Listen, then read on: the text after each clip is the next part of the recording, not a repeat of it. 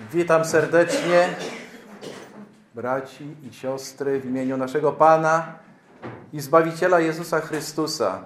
Miałem przygotowany fajny wstęp, ale tak mi się już pomieszało. Wiecie, kochani, ale to dzięki Duchowi Świętemu chcę e, powiedzieć, że dzisiaj tyle było mówione tutaj przez braci o łasce. I to łaska Jezusa Chrystusa sprawiła, że my dzisiaj możemy się zgromadzać, że należymy do Niego, że jesteśmy Jego Kościołem i to jest wspaniałe. Łaska sprawiła i to tak jak brat Andrzej czytał, że łaską jesteśmy zbawieni przez wiarę, nie z nas, Boży to dar, nie z uczynków, aby się kto nie chlubił. I to jest wspaniałe właśnie, że nie chcemy się chlubić uczynkami, nie chcemy się chlubić y, to, co do, czego doświadczamy i to, co, czego dokonujemy w naszym życiu, ale chcemy się chlubić przede wszystkim z Jezusa Chrystusa, bo On sprawił to, że możemy nazywać Jego Kościołem, że należymy do Niego i jesteśmy Jego oblubienicą, tak jak tutaj śpiewa, e, słyszeliśmy i śpiewaliśmy w tej pieśni. E, a jeżeli dokonało się wszystko z łaski, z łaski mamy zbawienie, to e, kiedy czytałem sobie pierwszy list Piotra, bardzo pięknie mówi o tym, jak powinien wyglądać Kościół. Piotr pisał do rozproszonych, po całym świecie, w Azji. Y, mówił o tym, jak powinniśmy żyć, jak powinniśmy postępować.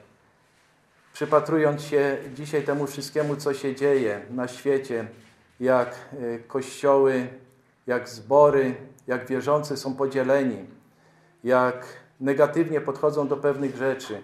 A Słowo Boże wyraźnie nam mówi, kiedy bierzemy do ręki to Słowo Boże, tą Biblię, która jest przekazem dla nas, abyśmy wzrastali w prawdzie, w miłości, wierności ku niej.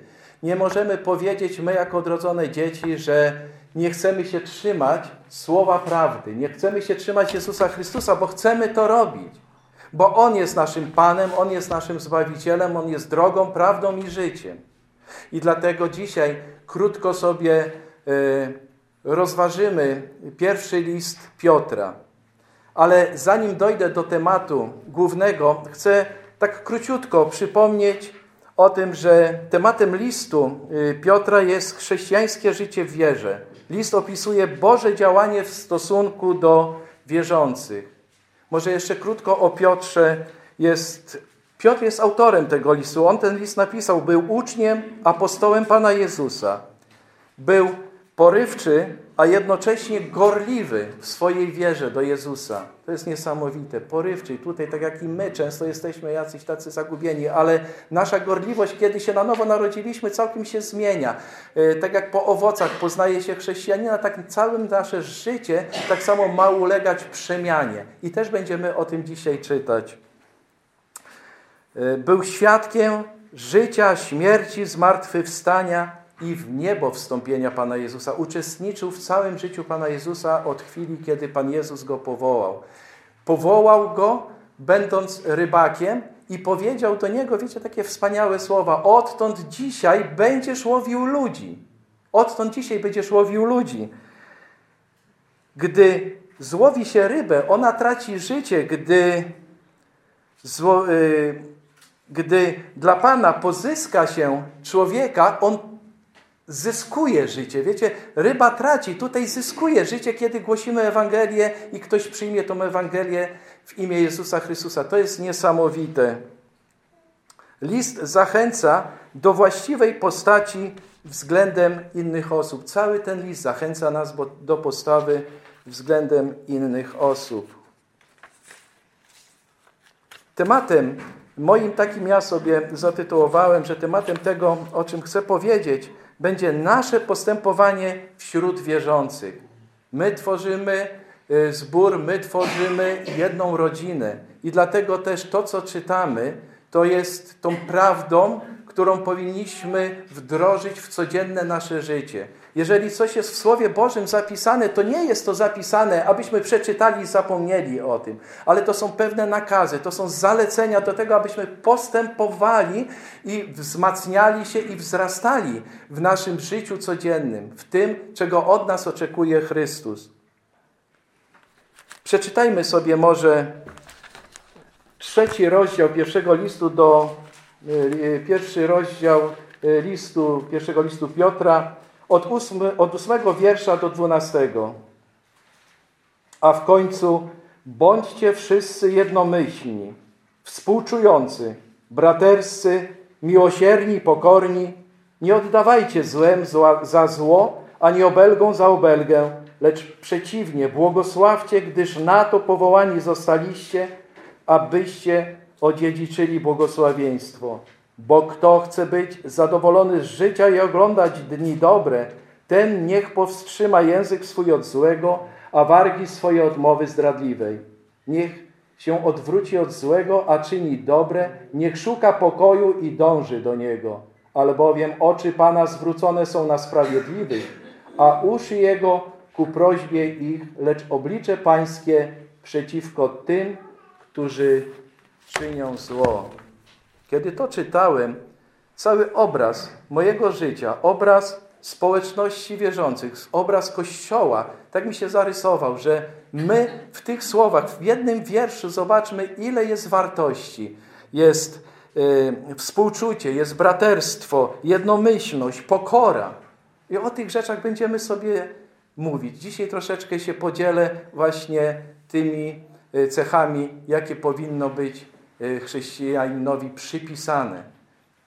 I tak kontakt między wierzącymi powinien być przyjazny. Postawę taką wyrażamy okazując jednomyślność. Czym jest ta jednomyślność? Jednomyślność jest to cecha wierzącego. Jedność, jednomyślność w Jezusie Chrystusie to jest coś niesamowitego. Podkreśla wielką wewnętrzną spójność serca. Myślimy tak jak Chrystus. Przez nowe życie jesteśmy zdolni myśleć zgodnie z Jego wolą. Popatrzcie się, o tym Słowo Boże mówi. Ja tutaj przy, Y, porównam parę wersetów y, z księgi Łukasza, y, z Ewangelii Łukasza, z, z listów Pawła, o których ta spójność całego Pisma Świętego wprowadza nas w tą jedność Jezusa Chrystusa, o, która mówi o tym, że jesteśmy jednością w Jezusie Chrystusie. Gniew, podziały są rzeczami cielesnymi. I o tym czytamy w pierwszym liście do Koryntian w trzecim rozdziale, w trzecim wierszu. Jeszcze bowiem cieleśni jesteście, bo skoro między wami jest zazdrość, kłótnia, to czyż cieleśni nie jesteście i, ne, i czy na sposób ludzki nie postępujecie? Jeżeli między wami jest zazdrość i kłótnia, zobaczcie, zazdrość i kłótnia. Czy u nas powinna być zazdrość i kłótnia, po owocach poznacie. Owocem jest miłość, radość, cierpliwość. To, co zmienia nasze życie, bo Duch Święty zmienia nasze życie. Jeżeli się na nowo narodziliśmy, narodziliśmy, to chcemy iść tą drogą, którą nas prowadzi Jezus Chrystus. Gdzie Duch Święty nas pobudza do tego, abyśmy przezwyciężali te stare życie nasze, abyśmy mogli kroczyć drogą, którą prowadzi nas Duch Święty. Mamy dążyć do wspólnego celu, ta jedność stanie się rzeczywistością, gdy w Chrystusie postawimy ją wyżej od własnych interesów. Jak możemy prowadzić chrześcijańskie życie, jeśli sami nie żyjemy w jedności? Jeżeli nie ma jedności, jak możemy prowadzić chrześcijańskie życie?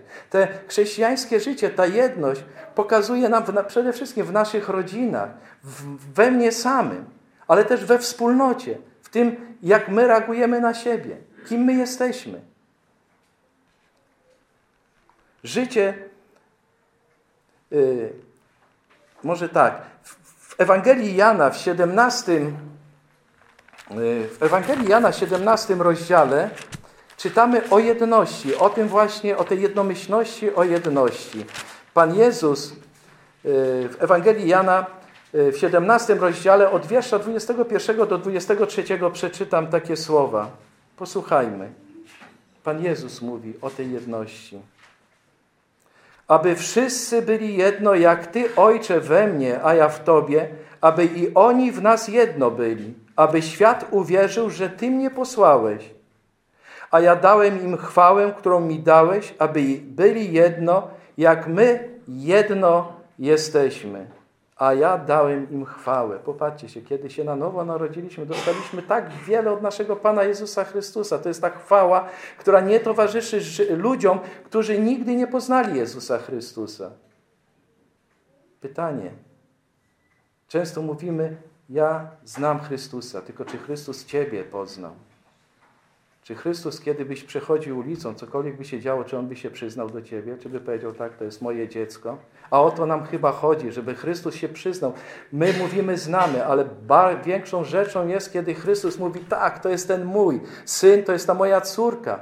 Oni należą do tego ciała, gdzie połączeni są ścięgnami, gdzie każdy z nich obdarowany jest darem i każdy z nich współpracuje ze sobą. Dalej czytamy w dziejach apostolskich w czwartym e, rozdziale w 30 wiersz, 32 wierszu. A u tych wszystkich wierzących było jedno serce i jedna dusza i nikt z nich nie nazywał swego tego, co posiadał, ale wszystko mieli wspólne. Ale tutaj zauważyłem taką ciekawą rzecz. U tych wszystkich wierzących było jedno serce i jedna dusza. Jedna wiara, jeden chrzest, jeden Pan Jezus. Wyznajemy to. Jedna wiara, jedno serce, jeden duch. I jeszcze może jeden werset y, z listu do Rzymian z 12-16 y, wiersza. 12 rozdział, 16 wiersz. Bądźcie wobec siebie jednakowo usposobieni. Nie bądźcie wyniośli, lecz się do niskich skłaniajcie. Nie uważajcie sami siebie za mądrych. Nie ma tu zarozumiałości, tu jest skromność. Popatrzcie się. Do niskich się skłaniajcie. Bo jeżeli będziemy się do niskich, będzie ta skromność, nie będzie zarozumiałości, to będziemy widzieli naszego Pana, Jezusa Chrystusa, a nie siebie w otoczeniu innych. Ale jeszcze o tym chwilę powiem. Dalej czytamy w tym samym wierszu o współczuciu. Nie da się połączyć współczucia z egoizmem. Współczucie pochodzi z serca, w którym panuje Jezus Chrystus. Czy jesteśmy zainteresowani braćmi, siostrami? Czy potrafimy ich wysłuchać? A to jest tak ważne, żebyśmy zwracali na siebie uwagę. Czy potrafię z bratem, siostrą znaleźć czas dla niej, żeby wysłuchać, co chce powiedzieć?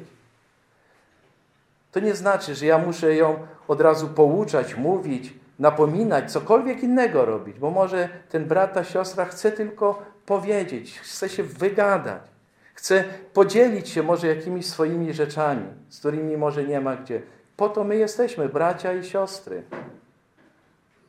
Czytamy w Rzymian 12, w 15 yy, e, wierszu, aby weselić się z weselącymi i płakać z płaczącymi. Zobaczcie, weselić się i płakać, cieszyć się i i mieć ten smutek. Jeżeli ktoś do mnie przychodzi, bo stracił kogoś bliskiego albo ma jakiś problem, to nie będę się radował, nie będę powiedział, to nie moja sprawa. Ja chcę uczestniczyć w tym jego życiu codziennym. Jeżeli ktoś przychodzi i mówi, tak jak dzisiaj brat Marcin powiedział, miał taką radość, że ta łaska dostąpiła niego, że nie musiał zapłacić tego mandatu, to jest, też jest fajną rzeczą, nie? Bo wiemy, że jednak łaska jest bardziej spoczywa na naszym zbawieniu, że to jest ten dar, ale y, Bóg udzielił nam łaski zbawienia, ale udziela też tej łaski każdego dnia nam. I to jest fajne właśnie. Mądrość Boża niech przemawia przez nas. Mówmy tak, jak Chrystus by chciał, abyśmy mówili. Dalej czytamy o braterstwie. Inaczej mówiąc, o miłości braterskiej. Z serdecznością okazywać powinniśmy przychylność do wierzących. Ta serdeczność powinna znowu, tak jak mówię, ona powinna wypływać z naszego serca. To nie jest jakiegoś egoizmu. Z tego, no jest taki obowiązek, dobrze, że ja teraz podejdę do Andrzeja i sobie z nim porozmawiam. Ale fajną rzeczą będzie, kiedy ja do niego podejdę, on będzie to widział, że ta moja serdeczność do tego brata czy do siostry, ona wypływa z serca mojego. To jest fajną rzeczą, bo o tym czytamy w Piśmie Świętym. Tworzy to dobrą atmosferę. Miłość do Boga i miłość do człowieka jest nierozdzielna. Miłość do Boga i człowieka. One są nierozdzielne. Dlaczego? Bo jedna nie może istnieć bez drugiej. W Ewangelii Jana w 13 rozdziale W Ewangelii Jana w 13 rozdziale, 34 i 35 wierszu czytamy takie słowa. Nowe przykazanie daję wam, abyście się wzajemnie miłowali. Jak ja was umiłowałem, abyście się i wy wzajemnie miłowali. Po tym wszyscy poznają, żeście uczniami moimi, jeśli miłość wzajemną mieć będziecie. Ale bardziej jeszcze tak mnie dotknęło to, kiedy w pierwszym liście Jana, w pierwszym liście Jana, kiedy przeczytałem takie słowa, a też kiedyś na grupie żeśmy rozmawiali o tym, y, o tej braterskiej miłości. Posłuchajmy. Y, Jan w pierwszym liście, w czwartym rozdziale od wiersza 20 pisze tak. Jeśli kto mówi, miłuję Boga, a nienawidzi brata swego, kłamcą jest, albowiem kto nie miłuje brata swego, którego widzi, nie może miłować Boga, którego nie widzi. Zobaczcie, jakie to mocne słowa są. Jak mogę miłować Boga, jeżeli brata nienawidzę? Boga, którego nie widzę, mówię, ja miłuję? Kogo miłuję? Popatrzcie się. Jeśli kto mówi miłuje Boga, nienawidzi brata swego, kłamcą jest, albowiem kto nie miłuje brata swego, którego widzi, nie może miłować Boga, którego nie widzi. Jakie mocne słowa. On jest kłamcą. Bo jeżeli się na nowo narodziłem, jeżeli mówię, że Jezus Chrystus jest moim Panem, to nie mogę nienawidzić, nie mogę mu nie miłować brata czy siostry. Bo to wypływa z nowego narodzenia. To, to jest cechą chrześcijanina. To jest, to jest to, czego dążymy i czego uczymy się i pragniemy. A to przykazanie mamy od Niego, aby ten, kto mówi, miłuje Boga, aby ten, kto miłuje Boga, miłował i brata swego. To są wspaniałe słowa, wiecie. Ja kiedy to czytam, to każdego dnia mówię, Panie Boże, naucz mnie tego, żebym to codziennie praktykował. Nie zawsze to wychodzi. Wiecie, to jest tak fajnie się mówi, kiedy czytamy o tym, ale to powinniśmy jak kotwicę rzucić w nasze serce i to powinno, ona się powinna wbić i zakotwiczyć i żyć w tym codziennym życiu. To jest tak, czy Jezus Chrystus jest moim Panem. Czy zostawiam sobie jakąś malutką furteczkę do tego, że ale jeszcze po swojemu coś będę robił. To jest tak jak z egzaminem. Jeżeli mamy na 100% coś zdać, to mimo to, że zdamy na 99%, to nie jest w porządku, bo jesteśmy odrzuceni. I tak samo my na 100% musimy oddać życie swoje Jezusowi Chrystusowi. Ja dziękuję Bogu dzisiaj za, każdy za każdą chwilę mojego życia. Ja dziękuję Bogu, że nie wpadłem w rutynę chrześcijaństwa. Ja dziękuję Bogu za to, że mogę prosić Boga o to, aby mi każdego dnia, kiedy rano wstaję, udzielał mi tej swojej łaski, aby mógł przetrwać. Pracujemy w różnych środowiskach i wiemy, jakie one są. I nieraz jest tak, że jesteśmy sami wśród iluś tam osób. I my mamy być tym świadectwem dla tych, którzy nas otaczają.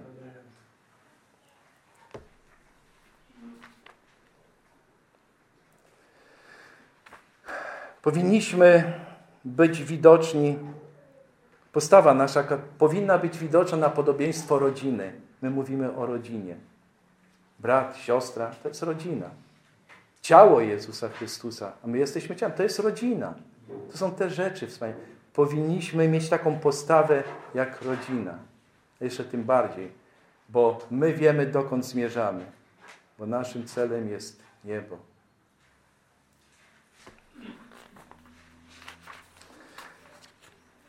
Czytamy dalej o miłosierdziu. A miłosierdzie idzie o krok dalej niż współczucie. Jeśli ktoś zawinił i ponosi tego konsekwencje, zamiast mówić, sam sobie jesteś winien, sam sobie teraz radź. Możemy uczynić tak jak miłosierny Samarytanin. Możemy zająć się tą osobą, nie zostawiać sobie sam czyń, ale w miłosierdziu możemy zająć się tą osobą. Postawa taka działa uzdrawiająco. Miłosierdzie zaprowadziło Chrystusa na, na krzyż. Bóg zlitował się nad grzesznikiem, A my, tak jak wcześniej czytaliśmy, jeżeli miłuję Boga, nienawidzę brata, brata chcę miłować, nienawidzę, y, nie, nie, nie znam Boga. Popatrzcie się, jaki bałagan by się wprowadził. Ale jeżeli trzymamy się tej zasady, o której czytamy w Słowie Bożym, a ona jest tą prawdziwą i jedyną zasadą naszego życia, to możemy uczynić tak jak ten miłosierny Samarytanin. Zająć się taką osobą, pomóc jej, nie zostawić ją samą dla siebie. Miłosierdzie zaprowadziło Chrystusa na krzyż. Pokora. Wiecie, dużo, jest taka książka fajna, wyszła, yy, Pokora obie, obie, pokora coś tam, klejnot czegoś, tam już mi się teraz zapomniało, ale naprawdę bardzo fajna książka. Tam ona nie jest gruba, ale tak wyrazista jest. Ja ją dawno, dawno temu czytałem i ta pokora to też jest taką ważną rzeczą, bo pokora oznacza brak pychy.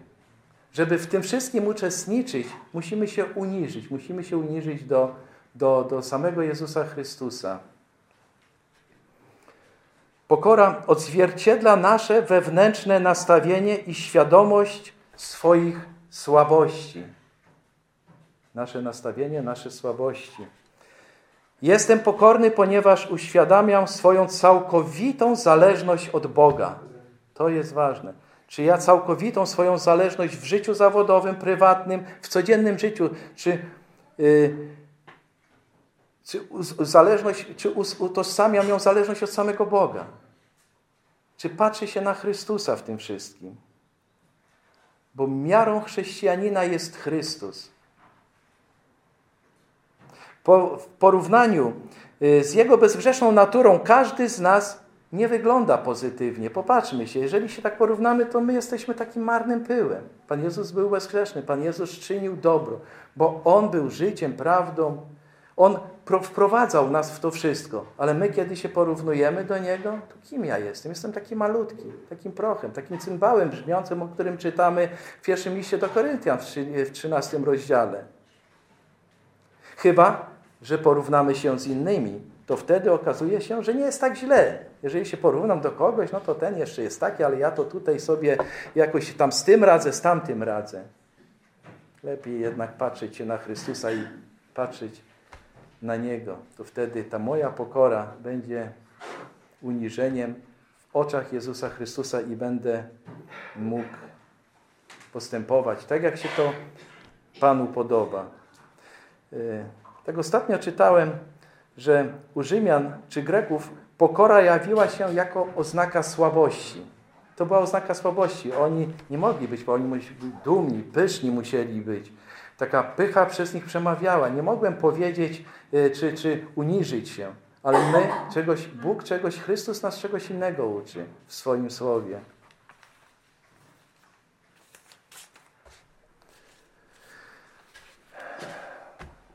Dziewiąty wiersz. Nie oddawajcie złem za zło, ani obelgą za obelgę, lecz przeciwnie, błogosławcie, gdyż na to powołani zostaliście. Widzimy tu zasadę łaski i zasadę przebaczenia. Niestety pośród wierzących, wierzących pojawia się także zło. Jak powinniśmy na nie reagować? Czy przyjąć, może powinniśmy zasadę zakonu, oko za oko, ząb za ząb, o której czytamy w drugiej księdze Mojżeszowej, w 21-24 wierszu? Na pewno nie. Pan Jezus mówi o łasce. Nie daj się zwyciężyć złu, ale zło dobrem zwyciężaj. Rzymian 12, 21. Popatrzcie się, jaka spójność w Słowie Bożym jest. Mówimy o pokorze, mówimy o miłosierdziu, mówimy o miłości, yy, mówimy o jednomyślności, o jedności. Przez całe Słowo Boże to wszystko się prze, yy, przejawia. To wszystko mamy w obrazie Jezusa Chrystusa. Jego łaskawy stosunek do nas powinien przekładać się na nasze postępowanie do innych. Otrzymujemy przebaczenie od Boga. okazujmy przebaczenie innym ludziom. Jeżeli od Boga coś otrzymałem, przekazujmy to. Jeżeli od Boga otrzymałem dar, chcę się dzielić tym darem. Jeżeli mam dar taki czy inny, dar usługiwania, chcę usługiwać. Bo Bóg przebaczył mi moje grzechy. To jest najważniejszą rzeczą. Efezjan w czwartym rozdziale, w 32 wierszu czytamy Bądźcie jedni dla drugich uprzejmi, serdeczni, odpuszczając sobie wzajemnie, jak i wam Bóg odpuścił w Chrystusie. Odpuszczajcie sobie wzajemnie. Bądźcie uprzejmi i serdeczni. Czy jesteśmy tacy względem siebie? Czy może jesteśmy bardziej dumni? Gdzie nasza pokora? Odpuszczajmy. Serdeczność jest serdeczność, jest też takim etapem naszego życia chrześcijańskiego. W Łukasza 6,28 jest tak mocno napisane, to zachęcałbym właśnie do tego Łukasza, do wcześniejszych jeszcze wierszy i do przeczytania tego rozdziału całego. Ale czytamy w szóstym rozdziale, w 28 wierszu. Błogosławcie tym, którzy was przeklinają. Módlcie się za tych, którzy was nienawidzą. Zobaczcie, jakie mocne słowa.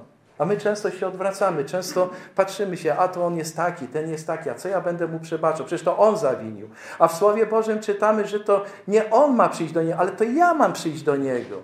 Jego napomnieć, jego, jemu zwrócić uwagę, że coś było nie tak. Może ktoś z nas, z, z wierzących, może ktoś sobie nie zdaje sprawy z tego, że coś zrobił nie tak. To naszym obowiązkiem jest podejść do niego. To jest Słowo Boże. One nas uczy jak mamy żyć, jak mamy postępować. W dalszych wierszach czytamy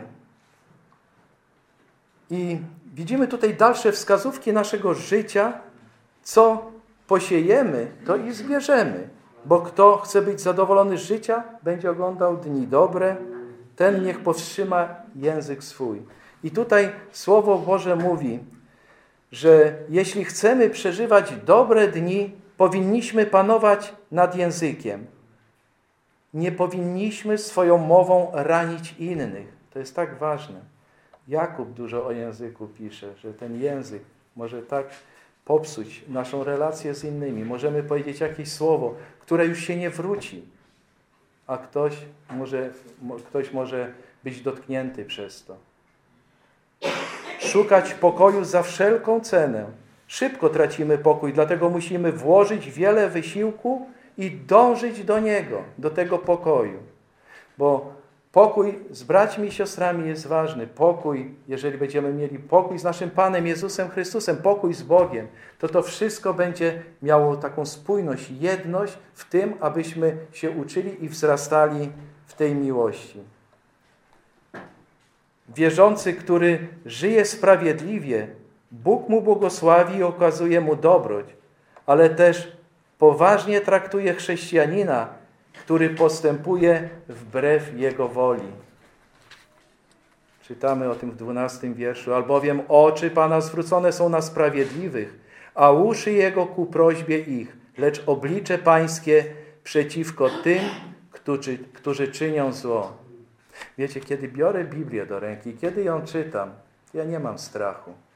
Ja tylko dziękuję Bogu, że Bóg mi ją zostawił, że ja mogę teraz wdrażać się w Jego Słowo, że mogę uczyć się lekcji, które będą każdego dnia doprowadzały mnie bliżej Niego, ale też będą uczyły mnie, abym też poznawał braci i siostry, abym mógł właśnie z nimi współpracować, abym mógł z nimi żyć jak ta rodzina, jak to ciało jedno, o którym czytamy bo jesteśmy tym jednym ciałem, a to ciało jest połączone ścięgnami. Nie ma podzielonych, nie ma, że jedno ciało jest tu, drugie ciało jest tam. Nie ma czegoś takiego. Jest jedno ciało, wiele członków ma, a my jesteśmy członkami tego ciała.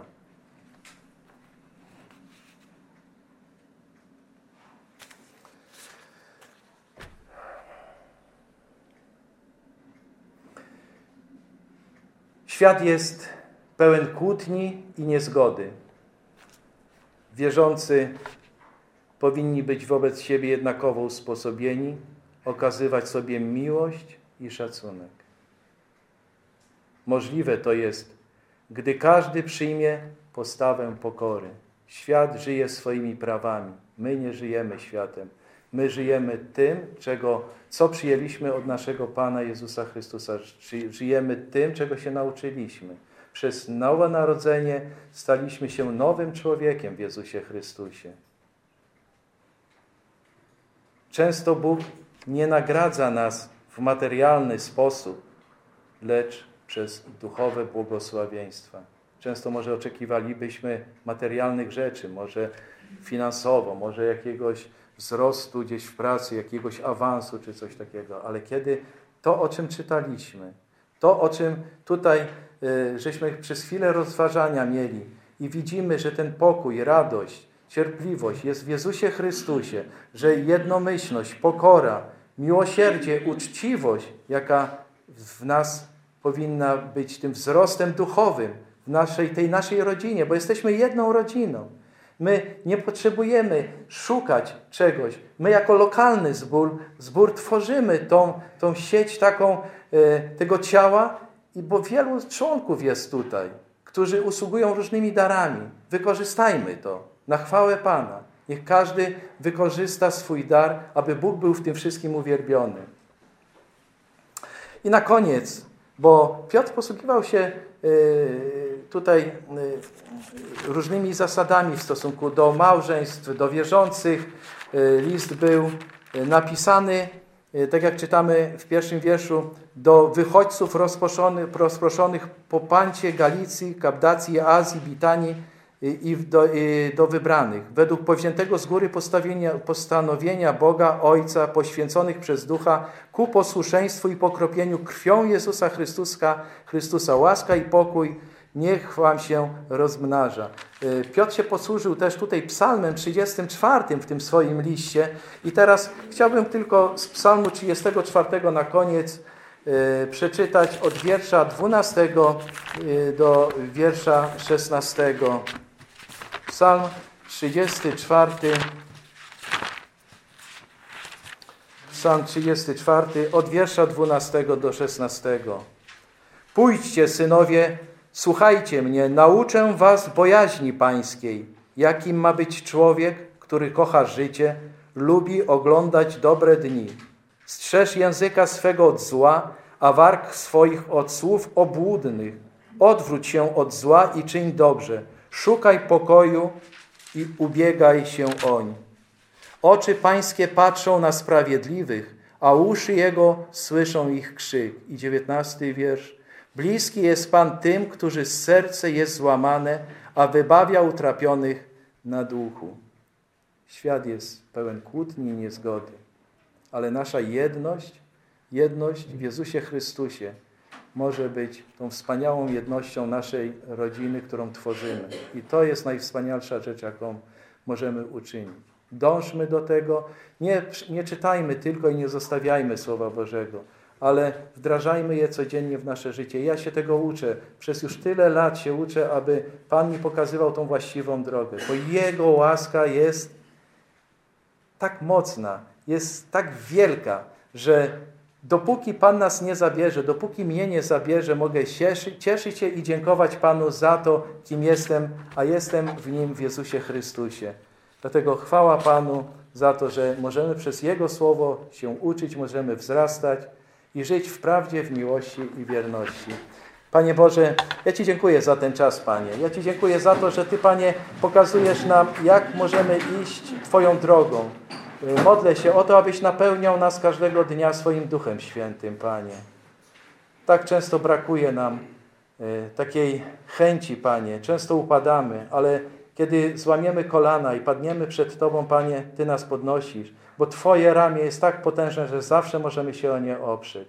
Modlę się o tych też, którzy szukają słowa, którzy szukają sensu życia, Panie, którzy szukają drogi zbawienia ale Ty jesteś tą drogą, prawdą i życiem. Nie ma innej drogi, aby przyjść do Ciebie. Dlatego też modlę się o to, aby znaleźli w współbraciach, w siostrach, e, w braciach, Panie, e, tą Ewangelię, którą my możemy głosić, czy chcemy głosić nawet. To jest naszym, powinno być naszym pragnieniem, aby oni usłyszeli i przyszli do Ciebie, Panie. Aby mogli się cieszyć i radować i tworzyć tą wspaniałą rodzinę, jaką nam dajesz, Panie.